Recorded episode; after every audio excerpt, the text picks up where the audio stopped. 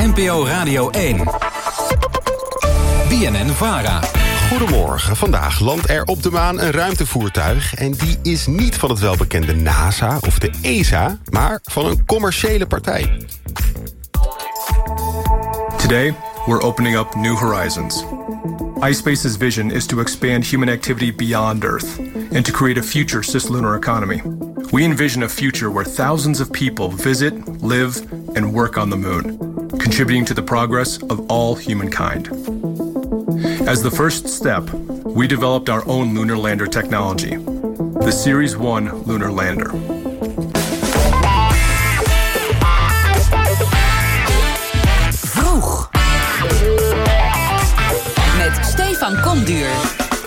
Goedemorgen, goed dat je luistert naar Vroeg van dinsdag 25 april 2023. De dag dat er op de maan voor het eerst een commercieel ruimtevoertuig landt. Gaat hierbij om de Japanse maanlander Hakuto Air van de start-up iSpace. Wat betekent dit voor de toekomst van de ruimtevaart... en wat is de toegevoegde waarde van deze commerciële organisaties... die vaak worden geleid door miljardairs? Daar ga ik over in gesprek met vriend van de show... Anko van Hal van de Ruimte en Sterren... Ja, Ruimte en Sterren kennen kan ik je eigenlijk wel noemen, hè? Ja, mag wel hoor. Mag wel, hè? Goede titel. leuk ook eigenlijk, en ja. presentator van de Sterrenstof-podcast. Dankjewel, leuk dat ik hier weer ben. Ja, welkom terug. Weet je, hoe lang geleden was het? Eh, precies een jaar. Ah. En dat was de doorbraak ook een beetje van sterrenstof. En dat Eh, doen wij graag. Ja, en het is heel leuk hoor. Ik ben heel blij hier weer te zijn. Ja, en er is veel te vertellen, want er gebeurt ook heel veel. En er Ja. is in een jaar ook heel veel gebeurd. Niet alleen met sterrenstof, de podcast, maar ook met eh, de ruimtevaart weer. Daar gaan we het over hebben. En vandaag is dus een bijzondere dag... want voor het eerst landt er een commerciële partij Ja. op de maan. Ja. Ehm, dat is natuurlijk eh, nou, een, iets in de geschiedenis... waar we vast het later ook nog over zullen hebben. Ja, en dit gaat vaker gebeuren. Hij gaat landen, als het goed is, om tien over half zeven... Nederlandse tijd vandaag. S ochtends of s avonds. S'avonds. En eh, ja, er zijn wat reservelandingsmogelijkheden op 26 april, 1 mei en 3 mei... als dit niet gaat lukken. Dus Hij zit al rond een baan, Zeker. rond die maan. Ja. En op een gegeven moment kan hij dus op de maan landen. ja, Nou goed, eh, gaan we het uitgebreid over hebben tot zes uur. Jij bent natuurlijk helemaal vol verwondering... vol sterrenstof, vol sterrenkunde, ruimtevaart. Ja. Ik zie het aan je olijke blik eh, in je ogen. ja, ik word er heel blij van. anders, Ja. ja. Hoe blij werd je toen je hier naar de studio reed en naar boven keek? Eh, wel blij, maar niet blij genoeg. Ik Nee. heb een soort frustratie altijd op het Noorderlicht. Dus er is één grote frustratie in mijn leven, dat is het Noorderlicht. Dus ik ga gewoon met mijn man een keertje lekker naar IJsland toe... en daar gaan we gewoon het Noorderlicht kijken. Maar goed, heel veel Nederlanders hebben dus gisteren nacht het Noorderlicht kunnen zien. Overigens niet waar wat ik zeg. Niet veel Nederlanders, het was heel bewolkt. In Friesland was het Noorderlicht te zien. En op Texel geloof ik. En goed ook, hè. het was heel fel ook. Dus het was een hele felle verschijning. Ik sliep en het was bewolkt. En ik had wel mijn radar open voor Aurora. Want je hebt daar apps voor. En die zag ik pas ochtends. Die een melding geven. Die een melding geven. En 's ochtends zag ik pas dat er iets was gebeurd. Maar goed, niet getreurd. De troost was, bijna heel Nederland had het niet gezien. Dus ik dacht van, nou, ik ga met Abe, dat is mijn eh, sidekick van uh, Sterrenstof... gaan we hier naartoe rijden en dan gaan we omhoog kijken... en misschien zien we het Noorderlicht. Abe zit daar op de bank, we Die hebben het niet gezien. chillen. Ja. Ja, Abe is lekker aan het chillen nu. Niet gezien, helaas, Stefan. Omdat het te bewolkt is. Ja, nee, ik, er zitten gaten in hoor nu. Mm. Maar je ziet door de gaten ook niks. En ik zag op de app ook hoor, dus niet veel te zien. Mm. Helaas, helaas. Dat is jammer. Nou, misschien dat mensen in het noorden van Nederland, in Friesland, Texel, die nu luisteren, toch even uit het raam kijken en denken van, hé, hey, ik zie iets. Ik heb op het einde van de uitzending misschien nog een leuk sterrenkijktip voor je. Nou, dat is een mooie cliffhanger. Om te beginnen, je hebt die podcast Sterrenstof. Jouw doel is om daarin meer mensen kennis te laten maken met de ruimte. Lukt aardig. Je Zeker. geeft ook je liefde goed door via dat programma. Ja. Ik vroeg me allereerst nog af, wordt je omgeving niet gek soms? Oh, dan hebben we Anko weer met al die sterrenkunde. Niet meer. Ik had vroeger, ik heb volgens mij wel eens eerder eh, op de eten gezegd. Ik had vroeger was ik eh, wat hysterischer. Dan ging het alleen maar daarover. At en, en dronk ik eh, sterrenkunde. Nu giet ik het in het jasje van een eh, professionele podcast. eh, die overigens overkomt als een hele vrije podcast. Als talkshow, live uitzending. Via het Allet Pearson nemen we die op. In een live gevoel. Ja, en dan zijn eigenlijk mensen... die hangen eigenlijk een beetje aan mijn lippen. En ik denk dat het komt ook omdat ik een heel erg blij ei ben... in de podcast zelf. En dat hoop ik hier ook een beetje te kunnen zijn bij jou Ja. altijd. Want werkt het ik- ook enigszins relativerend? eh, een beetje voor mij praten zeker. over die sterrenkunde. Ja, en ik, ben, ik heb een druk leven. Dat heb ik zo voor gekozen, want dat vind ik fijn. Lekker veel werken, twee banen. Eh, podcast is de grootste baan. En dan is het voor mij stressverlagend om naar boven te kijken, ja. Goed. Hou dat vast, want dat gaan we doen het komende uur. Zit je nou te luisteren, heb je hier vragen over. Je mag ze stellen in de gratis NPO Radio 1 app. Vroeg. Stefan Komduur. Terug namelijk even naar de actualiteit, naar vandaag. Want om tien over half zeven vanavond... vindt die eerste landing van een commercieel ruimtevoertuig op de maan plaats. Wat is dat voor partij eigenlijk die die commerciële landing uitvoert? Ja, dat is iSpace. Hè. Daar hebben we inderdaad net een stukje over gehoord. Je had een mooi eh, geluidsfragment. Het is een maanverkenningsbedrijf met een visie. Dat lees ik nu ook even op hoor. Om menselijke aanwezigheid uit te breiden naar de ruimte. Vind ik een mooie visie. De visie is ook om de leefomgeving van de mensen uit te breiden. En een duurzame wereld te creëren zomaar. Een duurzame wereld tussen de aarde en de maan? ja, of hier en op de aarde? maan ook. Dus de waterbronnen van de maan vertegenwoordigen een onbenut potentieel, vinden ze. En dat klopt. We hebben veel water op de maan gevonden. Dat is natuurlijk hartstikke belangrijk voor de toekomst ook. Ja, maan, of eh, water is vaak het begin eh, van leven. Zeker. Eh, heb je nodig om in ieder geval te kunnen leven. Kan je schetsen, wat gaat dat voertuig daar doen? Nou, vooral dus eh, grondstoffen en water op de maan delven. Dat gaan ze doen. Eh, dat kan helpen dan bij het bouwen van een bemande basis op de maan. Je kan bijvoorbeeld eh, het water ook daar gebruiken voor tuinbouw. Ze hebben de grond van de maan hebben ze zaden geplant en daar water op gezet. En daar groeien wel planten op iets minder goed dan aardse grond. Dat komt door de straling die op de maan is. Hè. Er is geen ozonlaag, dus die grond is eigenlijk wat, wat vergiftigd door de straling. Maar nog steeds goede grond om eh, toch nog te kunnen verbouwen. En je kan het water gebruiken natuurlijk voor brandstof. Hm. Ja, brandstof voor, voor raketten. Hè, om daar vanuit het platform te gebruiken... om naar bijvoorbeeld naar andere planeten te gaan, zoals Mars. Ja, oké, het kan een soort tussenstation worden. Zeker, ja, de maan is daar heel belangrijk in op dit moment. En je ziet het ook, hè. je hebt dus die, die, die missies die er naartoe gaan... ook via de NASA, de Artemis en zo. Ja, dat is toch wel heel belangrijk op dit moment. En ehm iSpace gebruikt eh, SpaceX ook, hè. Dus die, eh, die heeft de Falcon 9-raket heeft die geleverd aan eh, iSpace. Ja, iSpace. En dan bedoel je bij eh, SpaceX, doel je dan op Elon Musk? Ja. Daar gaan we zo meteen ook verder op induiken nog. Dat ehm, geval, noem ik het maar even, dit ruimtevoertuig, dat landt vandaag Ja. op die maan. Zijn Wat moet twee. ik, dat zijn er twee. Wat moet ik met op wat voor maan landt hij? Wat, wat, waar komt hij op terecht? Wat zien we? Ja, wat zien we eigenlijk gewoon wat we altijd hebben gezien... ook bij de maanlandingen in de jaren 60. Je ziet dat het hetzelfde in ieder geval. We hebben een karretje, dat is eh, een karretje van een kleine maanrover is dat, aan boord. En dat is uit de Verenigde Arabische Emiraten. En die heette Rashid, als ik het goed heb. Ik heb het even uit mijn hoofd. Ja, volgens mij heet hij Rashid. Hartstikke gezellig. Dat vind ik al wel weer leuk klinken. Die maanrovers krijgen al van die leuke namen. En daar worden ze een beetje cute van ook. Die gaat een beetje rondrijden. Die gaat wat proeven doen. En er is een Japanse robot aan boord op twee wielen. En ik vind het heel mooi bij Japan ook dat zij samenwerken met eh, de Verenigde Staten en Europa. Wat dat betreft zijn ze vrij transparant. En dat Ja. is met China natuurlijk wat minder. Die ook eh, diezelfde missies graag wil uitvoeren. klopt. Ehm, het is wel een samenwerking, maar het is wel een commerciële samenwerking. Zeker. Ook. We kennen natuurlijk de NASA, de ESA, organisaties die geleerd zijn aan een groep... of aan een groep landen in ieder geval. Ja. Zie je in de toekomst het vaker gebeuren dat deze commerciële partijen... deze Japanse commerciële partij die vandaag op de maan landt... hier zich in gaan mengen? Of Nou ja. is dit een, nou, een keer een uitspatting van een miljardair... die laat zien van kijk, wij kunnen het ook? Natuurlijk. Het is, eh, kijk, miljardairs zijn allemaal natuurlijk een beetje eh, space cowboys. Daar gaan we het ook een beetje over hebben. Eh, Elon Musk natuurlijk. Je hebt ze wel nodig. Ik heb het goed onderzocht gisteren nog een keertje. En ik doe het bij de sterrenstof ook vaak. Ik heb het ook heel vaak over Elon Musk eigenlijk. Misschien iets te vaak dan me lief is. Maar hij is een heel groot onderdeel van de ruimtevaart op dit moment. En dat is maar eigenlijk maar goed ook. Ik heb een dubbel gevoel erin. Ik zat net in de auto met Abe te praten erover. Eh, ik vind Elon Musk eh, qua persoon niet zo'n hele leuke man. Maar we hebben hem wel nodig voor dit soort eh, exploratie. Ja, want dat voegt een commerciële partij hier aan toe. Nou, je ziet gewoon dat NASA het nodig had om weer verder te gaan. Hè? De overheid, bijvoorbeeld de Amerikaanse overheid... die investeert ook met SpaceX en Elon Musk. Ja, en dan zie je gewoon dat het voor de Amerikaanse overheid... ook een soort kostenbesparing is, omdat een miljardair erin zit. En eh, door te investeren in SpaceX en andere commerciële ruimtevaartbedrijven... wil de Amerikaanse overheid ook innovatie stimuleren. Hm. En dan weer nieuwe technologie ontwikkelen. Ja, en hoe Dus kijk jij, want jij maakt die sterrenstof-podcast. Ja. Hoe kijk je daar tegenaan? Moeten we dit willen, dat dit soort commerciële partijen zich daarin mengen? Want je zou kunnen zeggen, enerzijds heeft een commerciële partij ook een winstoogmerk. Ze willen er geld aan verdienen.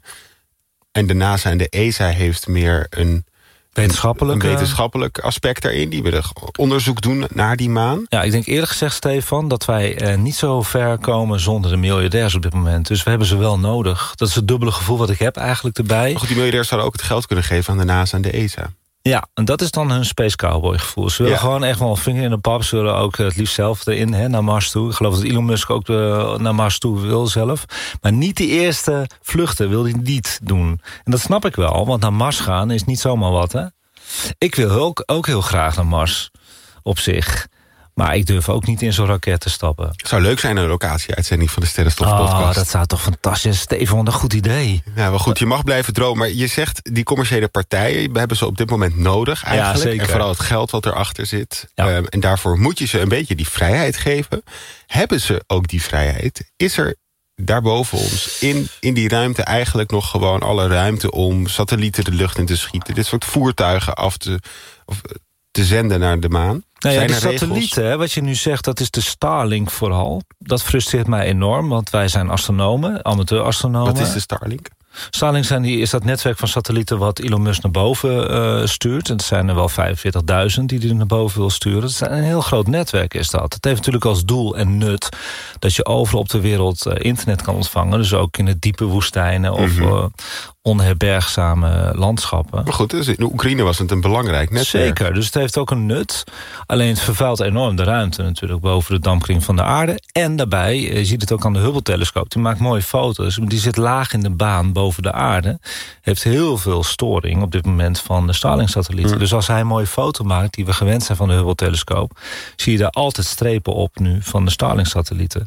Dus ik heb een polder uitgezet bijvoorbeeld bij Sterrenstof Instagram. Sterrenstof Nieuws. En dan zie je ook dat, ja, dat zijn natuurlijk luisteraars van Sterrenstof. Dus dat zijn astronomen in principe. Beetje biased misschien. Ja, eigenlijk wel een beetje. Maar je ziet dan ook dat, eh, dat er ook mensen zijn die het wel stimuleren. Die het wel mooi vinden, Breedband Internet. Ook mijn luisteraars vinden dat toch wel fijn. En er was ook een optie van, eh, dat er ook andere alternatieven mogelijk zijn. Ze hebben dus alle vrijheid. Zeker, maar we hebben natuurlijk wel te maken met een ruimteverdrag. Daar moeten de commerciële organisaties ook aan houden. Dat is de Space Treaty. En die is gemaakt in 1967 door de Verenigde Naties. En momenteel wordt die door 113 landen geratificeerd. Dus bijna iedereen doet mee. Dus daar moeten zij ook aan houden, Stefan. Ja, zou jij zeggen, het mag voor mij nog wat verder begrensd worden? Wat betreft die Starlink-satelliet wel, maar dat is mijn amateur-astronoom eh, gevoel. Ik vind het nogal vervuilend voor de foto's die we maken. Kijk, eh, zelfs als wij met een telescoop naar boven kijken... via het balkonnetje of tuin en we maken daar foto's... zien we ook alleen maar satellieten nu, hè? Dus het is, het is wel heftig, hoor. Het is wel heel vervuilend. En je krijgt natuurlijk, als je heel veel satellieten naar boven stuurt... krijg je ook gevaar voor botsingen. Ja. Maar dat heb ik opgezocht. Eh, zit Starlink in het ruimteverdrag? Ja, die zit er ook in. Dus die is heel erg bezig om dat niet te veroorzaken, die botsingen ook. Dat zijn de satellieten. Terug naar de raketten, terug naar SpaceX. Want Ja, we daar ik weten bijvoorbeeld voor. nu ook dat NASA tegenwoordig raketten van SpaceX... van dat bedrijf van Elon Musk dus gebruikt. Ja, Daar komt ook waarschijnlijk een bepaalde macht... in dit geval voor Elon Musk bij kijken. Je gaat de samenwerking aan met de NASA. Goed, daar spreek je dingen met elkaar af. Het zal niet zijn dat Elon Musk zegt... ja hoor, pak mijn raket maar, je mag deze zo gebruiken. Hoe groot is die macht van commerciële partijen al in de ruimtevaart? ja, die zijn heel groot. En aan de ene kant kunnen ze goede dingen doen dus... en zoals het ontwikkelen van nieuwe technologieën, wat ik al zei. En aan de andere kant eh, kan hun mag leiden tot een eh, hele oneerlijke verdeling van rijkdom... en mogelijk eh, corruptie en monopolie natuurlijk. Dus dat is toch een heel moeilijk iets. Je kan die problemen een beetje aanpakken... die ervoor zorgen dat miljardairs en grote bedrijven niet te veel macht krijgen. Maar ja, wie maakt die wetten? Dus die moeten nog eigenlijk een beetje gemaakt worden. Maar ja, Ja. de overheid gebruikt nu dus de miljardairs om verder te komen. Ja, want aan de andere kant zonder die miljardairs... waren we misschien niet zo ver geweest als we nu zijn. Zo is dat. Dat is best moeilijk. Het is een moeilijk eh, vraagstuk en we moeten eigenlijk de toekomst zal het leren, de tijd zal leren. En je moet een beetje balans vinden tussen de voordelen en nadelen van de macht van de miljardairs. Zodat hun invloed eh, overeenkomt met het algemeen belang. Mhm. En niet alleen hun eigen belang.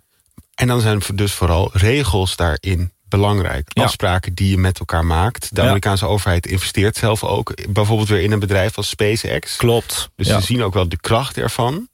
Maar jij ziet ook vooral het gevaar van die commerciële partijen. Eh, Nou, dat is niet helemaal waar. Dat is, vind ik te streng gezegd van je. Ik zie niet eh, alleen maar gevaar. Ik zie dus eigenlijk een beetje 50-50. Ja, Wat ik al zei, ik zei het net in de auto ook tegen Abe. Eh, Het is voor mij ook een beetje lastig. Hè? Ik wil ook meemaken. Ik ben nu 52 dat de eerste mens op Mars landt. Dat lijkt me natuurlijk wel heel vet. Dus daar hebben we gewoon een miljardair voor nodig. En de overheid denkt ook zo.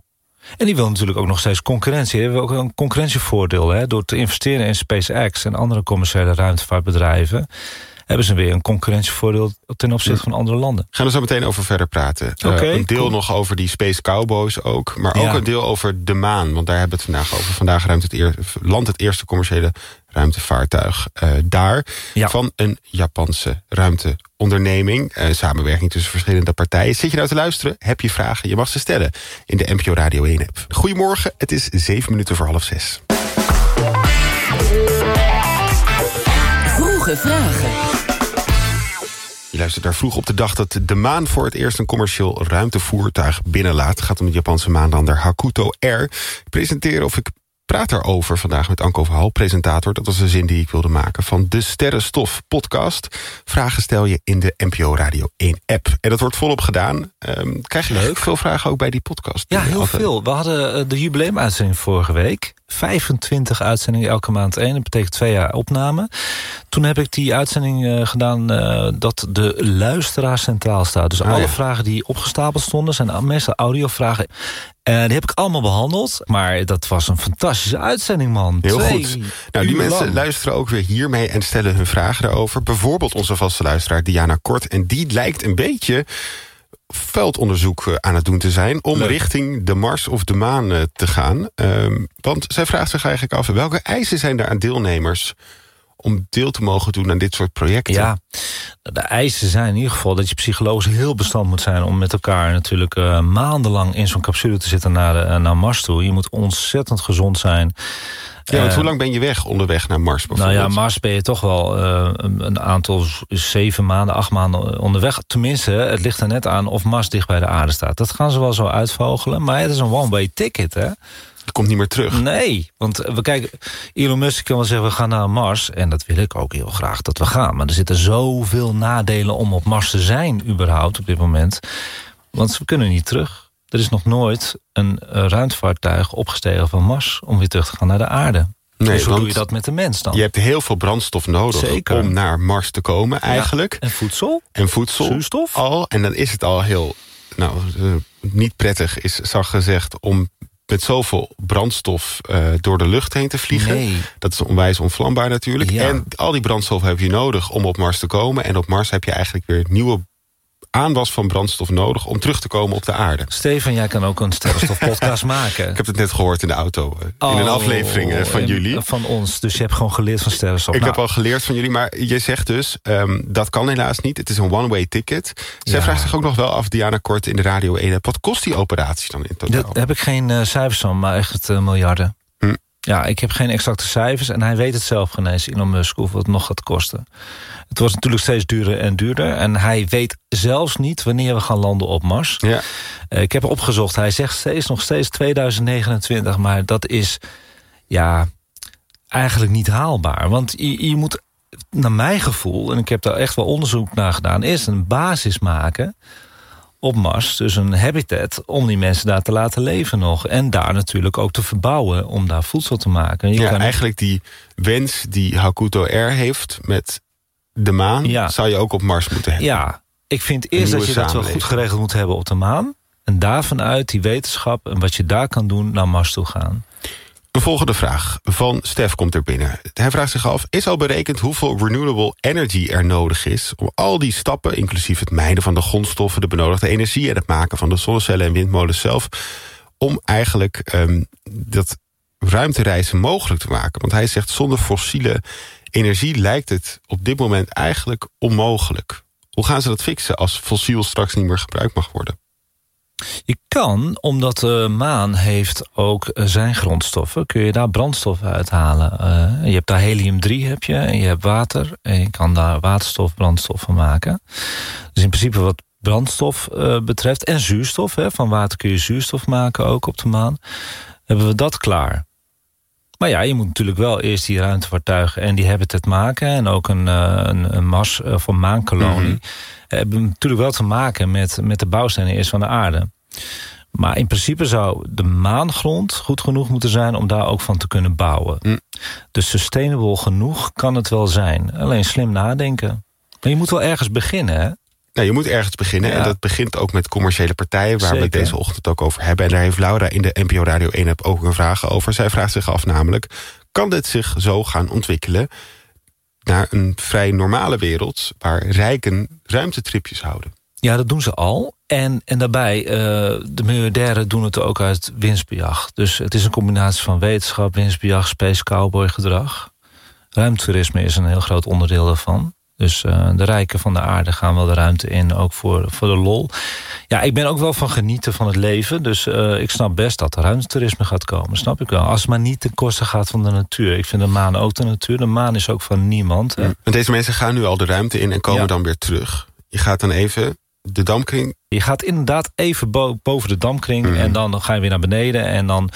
Mocht je jezelf astronaut noemen, dan ben je dus niet. Mm.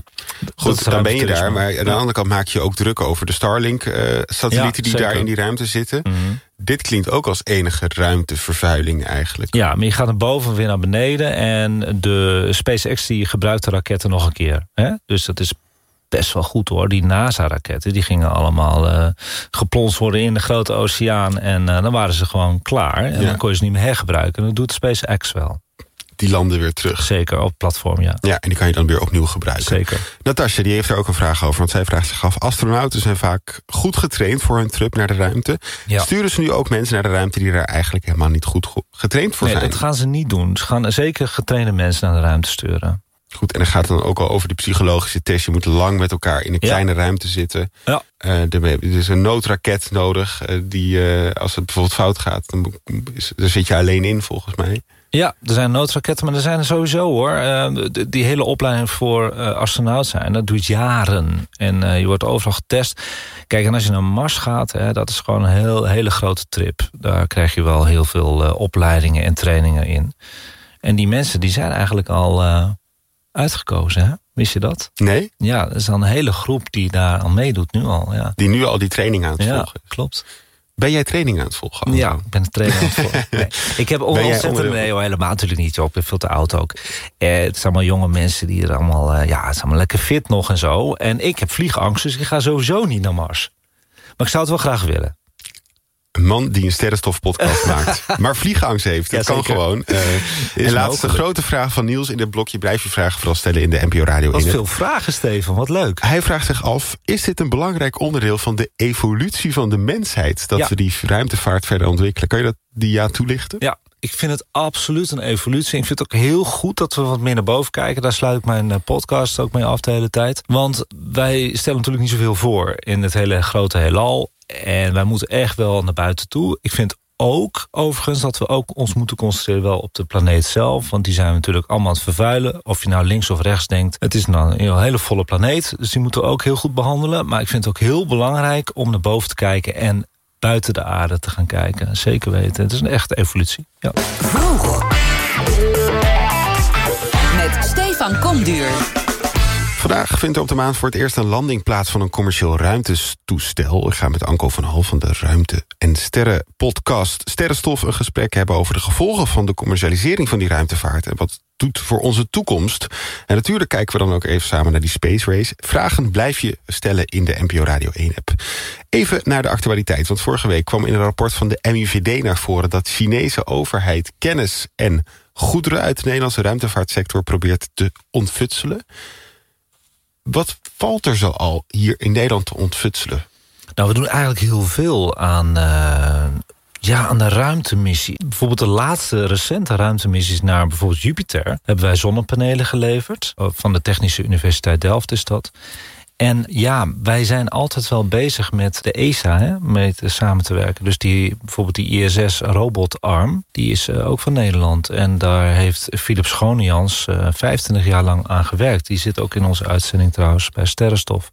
Dus um, ja, er valt genoeg eigenlijk uh, geheimpjes te ontfutselen.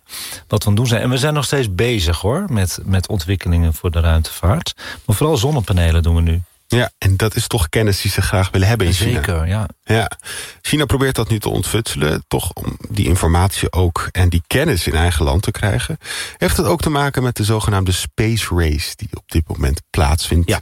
Tussen de grote wereldmachten... op het gebied van ruimtevaart. Kan je eerst schetsen, wat is die space race precies? Ja, die space race is natuurlijk wel al begonnen natuurlijk in de jaren 60... En dat was toen een ruimtewedloop voornamelijk tussen de Verenigde Staten en de Sovjet-Unie. En nu zijn er dus veel meer landen bezig uh, met die ruimteverkenning. Waaronder dus China, wat je zegt, India ook, hè, Japan, daar hebben we het net over gehad van de maanlanding vandaag.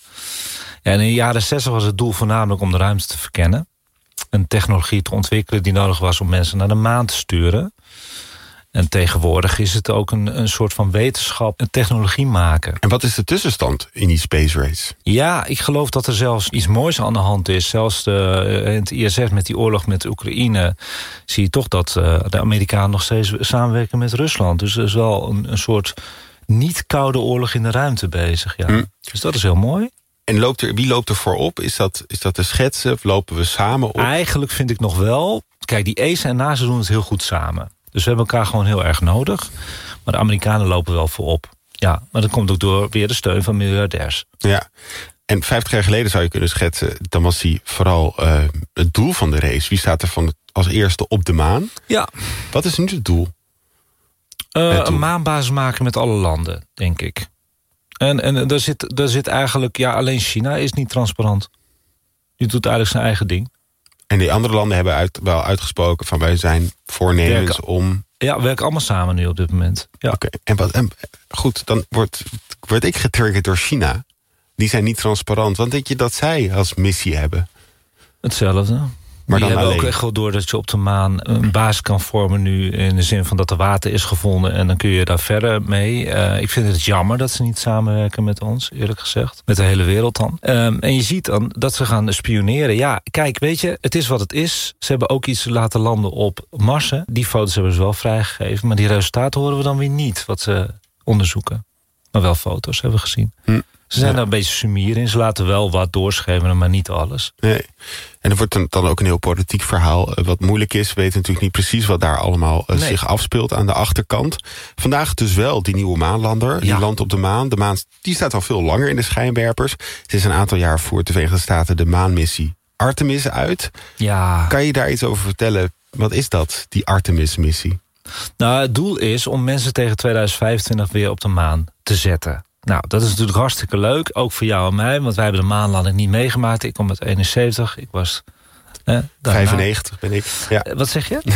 en dus wat dat betreft eh, is dat voor ons ook natuurlijk wel heel leuk. Maar het heeft ook wat eh, mooie wereldse doelen. we gaan de eerste vrouw op de maan zetten... en de eerste gekleurde man op de maan zetten. Dat is al een heel mooi gegeven, vind ik. En we gaan veel wetenschappelijk onderzoek doen. En we gaan de exploratie van de hulpbronnen van de maan gaan we onderzoeken.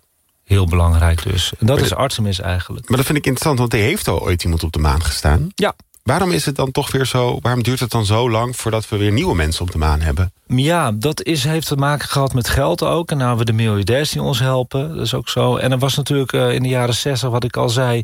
ontzettende wedlopen. Hè? Wie gaat de eerste stap op de maan zetten? Rusland of Amerika? Dat hebben we nu op zich niet meer. Nee, dat, nu je zegt ook, ze hebben allemaal doel. hetzelfde doel. Ja. En dat, dat is mooi natuurlijk. Ja. Maar dat betekent wel dat landen misschien minder snel uitgedaagd worden. Nee, ze worden zeker uitgedaagd. Want ze willen allemaal willen we een, een stukje van de maan. Eigenlijk is de maan van niemand of van iedereen. Zo moet je het zien. Dus je kan beter dan met iedereen de maan bezoeken. Ik ben eigenlijk niet voor de maan bevuilen. Maar ja, ik ben een natuurmens. Daar gaan we weer. Maar ik vind het ook wel weer heel mooi science fiction. Omdat ik van science fiction hou. eh, dat daar een maanbasis komt. Zie je hoe dubbel dat is? Klinkt heel dubbel, maar dat is het volgens mij ook in de ruimtevaart alles, altijd. ja, klopt. Eh, Wanneer verwacht jij dat er eh, over twee jaar, zei je, ook 2025, dat de eerste mensen op de maan hebben? uitgesteld, ook door corona. Hè. Hebben we natuurlijk ook vertraging gehad. Maar goed, de eerste Artemis 1-missie was 16 november 2022. Dat was onbemand eh, een rondje om de maan. Dan ga je Artemis 2 krijgen in november 2024. Dat is bemand om de maan. En dan willen ze in december 2025 landen op de maan. En dan is het hek van de dam. Want dan zijn er weer mensen op de maan. Ja. En dan wordt het science fiction een beetje. Ja. Maar dat vind ik leuk om het met jou daarover te hebben. Mhm. Waar staat die maan over 50 jaar dan? Oh, oké, dat is wel een hele leuke. Ik denk namelijk dat over 50 jaar er zeker maanbasissen zijn. En ik denk dat we over 50 jaar ook een lanceerplatform hebben naar Mars toe. Gewoon Hmm. een steady lanceerplatform. Eerst even dat eerste. Wat moet ik me voorstellen bij maanbasissen? Je kunt daar gewoon leven dan. Hè? Dus een, een koepel bijvoorbeeld is dat dan. En ik denk dat ook dat daar gewoon landbouw wordt gemaakt. Dus daar gaan we gewoon dus onze eigen eten verbouwen. Ik denk dat er ook brandstof wordt eh, gemaakt. Een fabriek komt om brandstof te maken uit helium-3 en water wat daar is. Dus ik denk dat er wel een soort industrie komt.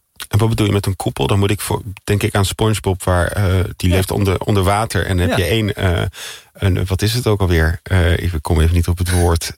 Eén dier leeft in een koepel. Ja. Sandy heet zij volgens mij. Oh, kijk eens aan, onder fan, water. ik ben fan, zeker. Dat Ja, is mijn dat jeugd. Maar moet ik me dat voorstellen bij ja, een zoiets koepel? wel. Ja, ze zijn natuurlijk al bezig geweest in de, in de, in de woestijnen op aarde met, met van die sferen, biosferen noemen ze dat. Ehm, om in het luchtledige natuurlijk ook te kunnen leven met zo'n met zo'n koepel. Dus dat, dat, dat gaan ze heus wel doen. Of cilinderwoningen kan natuurlijk ook. Mm, Waarom willen we dat? Nou, dat is toch de nieuwsgierigheid van de mens. We willen natuurlijk toch wel ontdekken. Zoals wij natuurlijk ook eh, de andere continenten wilden ontdekken. Vroeger wilden we ook de ruimte verkennen. Maar we willen vooral ja, kijken of er bijvoorbeeld op Mars... of andere manen van Jupiter leven is. En dat willen we eigenlijk met eigen Ja. ogen aanschouwen. En willen daar Ja. ook gewoon lopen. Ja, dat is, tot zover kan ik daarin meekomen. Kan ik ook zeggen van, eh, dat is interessant om te onderzoeken. Ja? Maar dan komt dat stukje daar wonen. Mhm. daar basissen bouwen. Je zegt al, als mens zijn we van nature bezig met nieuw land ontdekken. Ja. Dat is ook wel eens misgegaan in de geschiedenis. En gaat nu ook weer mis, Eh, Dat gaat nu ook weer mis. En dat zeg je bij die maan.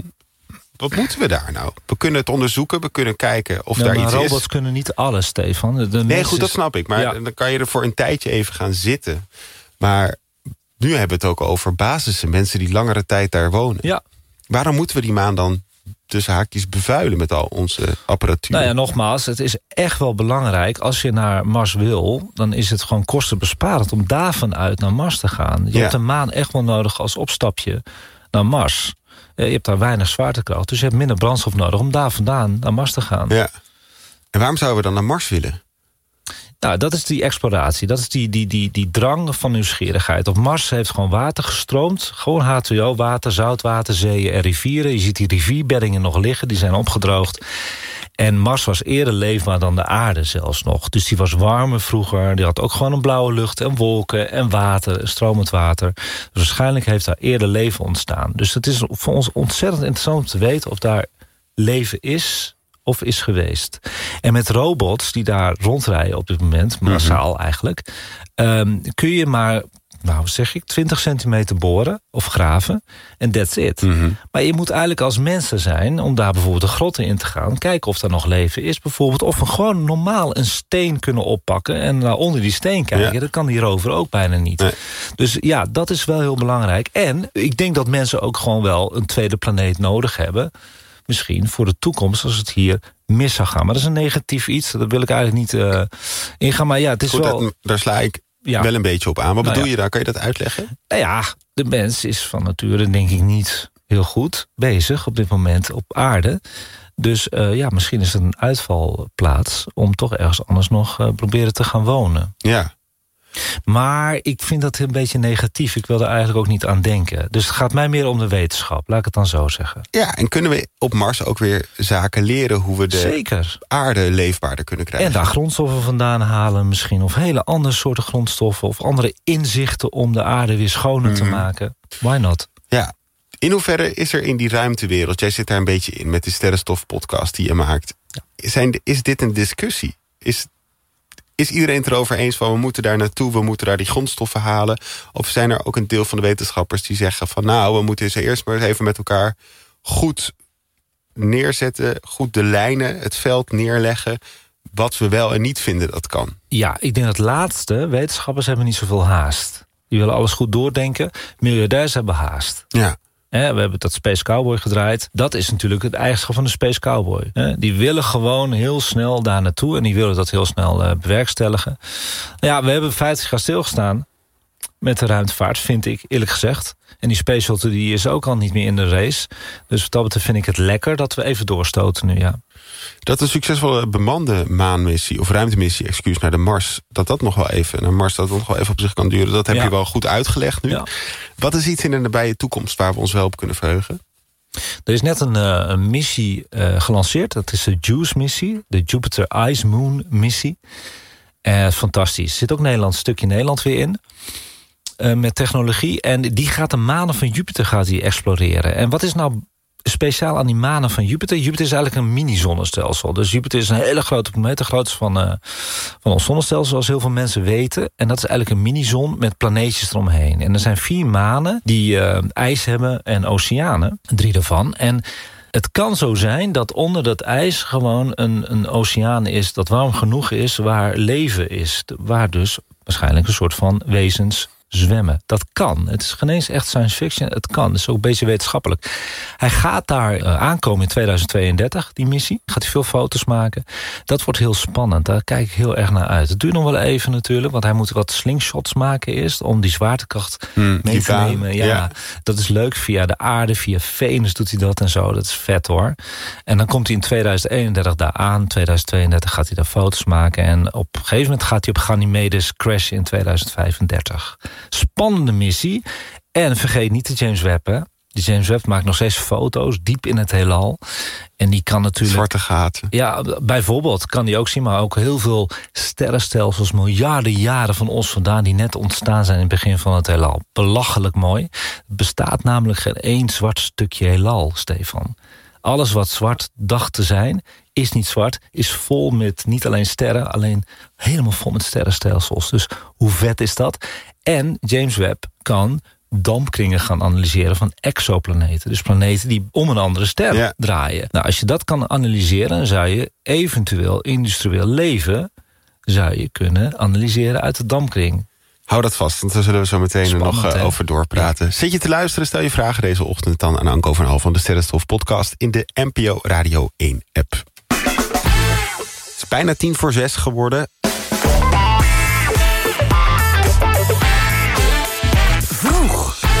Anko van Half, ruimte- en sterrenkenner en presentator van de podcast Sterrenstof is deze ochtend mijn gast. Aanleiding daarvoor is deze dag dat er voor, op de maan voor het eerst een commercieel ruimtevoertuig, eh, ruimtevoertuig landt.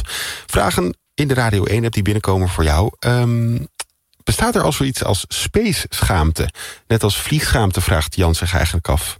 Ja, bestaat ja, maar ik heb het niet. Ik heb er geen last van. Maar wie, wat, kan je daar iets over vertellen? Ja, je hoort het vaak, eh, ook via luisteraars van, eh, van mijn podcast... dat eh, net zoals ik een beetje worstelen met het dubbele gevoel. Hè? Dat je dus wel naar boven wil en dat je naar een andere planeet wil... maar ook wel door hebt dat je zo'n planeet als Mars vervuilt. Er was een artikel, geloof ik, vorige week of een paar weken geleden... hoeveel ruimte schroot er op Mars ligt op dit moment. Ja, dan krijg je toch een beetje een soort schaamtegevoel... een beetje schuldgevoel van... Goh, ik wil zo graag naar Mars, maar er ligt wel veel troep al op. En wie weet hebben we Mars al bevuild met onze eigen aardse bacteriën. Er wordt trouwens heel goed naar gekeken... Hè? dat we schoon naar Mars gaan als we daar landen. Maar ja, je weet maar nooit wat je met zo'n planeet doet Of natuurlijk. je corona meeneemt, Nou bijvoorbeeld. ja, een virusje kan natuurlijk, als daar eh, bacterieel eh, leven is, microscopisch leven, kan doodgaan van eh, de aarde. Maar ook andersom. Hè. We gaan Mars-samples naar ons toe brengen. Maar goed, dat is een ander verhaal. Dat was je vraag niet. Ja, er is schaamte. Ja, en over die schade, daar heeft Diana nog wel een vraag over. Want zij vraagt zich af, zijn er al regels voor klimaatschade op dit moment? En wordt er, wat wordt er gedaan bijvoorbeeld met al het ruimteafval? Het werd eh, tot voor kort dus heel erg veel gedumpt in de oceaan. Wel weer opgevist. Dat bleef niet in die oceaan liggen. Ehm, als je dat vergelijkt met alle troep die we maken op aarde... met, eh, met andere dingen, andere vervuilingen zoals plastic en zo... is ruimtevaart, eh, schroot, nihil. Het valt hartstikke mee. Verbrandt dat ook enigszins? De meeste dingen verbranden in de dampkring inderdaad. En wat er dus daalt, dat wordt ook geanalyseerd. Er wordt ook gedetecteerd en kunnen ze ophalen. Dat doen ze ook hoor. Ze halen het uit de oceaan. Ja, met boten wordt dat dan weer Ja. opgehaald. Zeker. Ehm, Jara vraagt zich af, en zij zegt daarbij... deze vraag krijg je waarschijnlijk vaker... maar gelooft Anko dan ook dat er buitenaards leven is... als we Ja. praten over dit soort zaken? Ja, ja het zou toch, jongens, kom op. Maar het zou toch ongelooflijk zijn om te denken dat wij de enige zijn in dit grote heelal. Ga die foto's van James Webb maar even kijken. Ehm, dat, eh, dat het helemaal vol zit met sterrenstelsels. Hè? Niet alleen sterren, maar sterrenstelsels. Daar zitten weer miljarden sterren in. En elke ster is een zon. En bijna elke zon of elke ster heeft een planetenstelsel. Dus waarom denken wij dat wij de enige zijn? Wat een onzin. Alleen de afstanden zijn heel groot. Dus we zullen elkaar waarschijnlijk nooit tegenkomen. Maar ja, als er beschavingen zijn die technologisch verder zijn dan wij... en dus wel met het licht kunnen reizen... ja, misschien zijn ze hier dan al een keer ons gaan spotten. Zo ver kun je gaan nadenken. En dus wat ik nu vertel is dus geen science fiction of wappie gedrag. Dat is gewoon wetenschap, hè? Staat in elke wetenschapboek. En jij zit me aan te kijken, Stefan. Nou ja, ik zit naar jou te kijken, omdat je je hierover verwondert. Ik zie je ogen helemaal Ja. aangaan. Ja, lig je hier niet wel eens wakker van? Ik lig er niet wakker van. Ik vind het fantastisch. Ik ben ook helemaal niet bang. Kijk, ik heb heel veel boeken erover gelezen... van wat gaan we doen bij First Contact. Hè? Stel dat ze ons eerder hebben gewonnen dan wij hun. Eh, dat zou kunnen natuurlijk, hè, als hun technologie nogmaals eh, verder is. Wat gaan we doen? Ja, het is nogal wat hè, als ze hier komen. Dat is eng, want dan zijn ze verder dan ons. Maar ja, wij gaan ervan uit dat iedereen slecht is... omdat wij slecht zijn. maar ja, het kunnen ook heel aardige wezens zijn natuurlijk. Dat weet je niet. Maar eh, dat, ja, dus zo denk ik er wel eens over. Ja, maar weet je dat heel veel wetenschappers gewoon zo denken? Heel relativerend. Dit is gewoon wat het is. Ja, nou goed. En soms kunnen er ook zaken zijn die je als mens met je hersenen niet bedacht krijgt. Ja, Maar toch waar zijn. ja we kunnen maar 1% nog geen eens volgens mij... van het heelal begrijpen op dit moment. Dus eh, moet je nagaan. Jij bent ruimtekenner, kan ik je ondertussen noemen. Vooral ook ruimteliefhebber. Zeker. En weet natuurlijk precies allemaal wat er in het heelal te zien is. Ja. Wat kan de luisteraar van dit programma de komende tijd verwachten daarboven? Wat Ja, is dus- leuk om op te letten? Nou, dat is wel eh, leuk om af te sluiten altijd bij sterren. De, de sterrenhemel van de maand. Dat is heel leuk. Dat is, eh, dat is lekker luchtig ook. En op dit moment, as we speak, hebben we het Noorderlicht. Kun je even bekijken. Je kan een appje downloaden, heet de Aurora-app. Kun je kijken of het Noorderlicht een beetje naar Nederland komt. Blijft zeldzaam. Maar we hebben ook de meteorenzwerm, de Lyriden... die op dit moment actief zijn. En wat daar leuk aan is... eh het maximum is eergisteren geweest... maar je kan ze nog steeds bekijken, nog een week dan gaan we eigenlijk door een wolk van een komeet. Hè, die stofjes, het zijn maar zondkorreltjes eigenlijk. Eh, daar vanuit zie je meteoren naar beneden komen. En kun je zien als soms ook vuurbollen.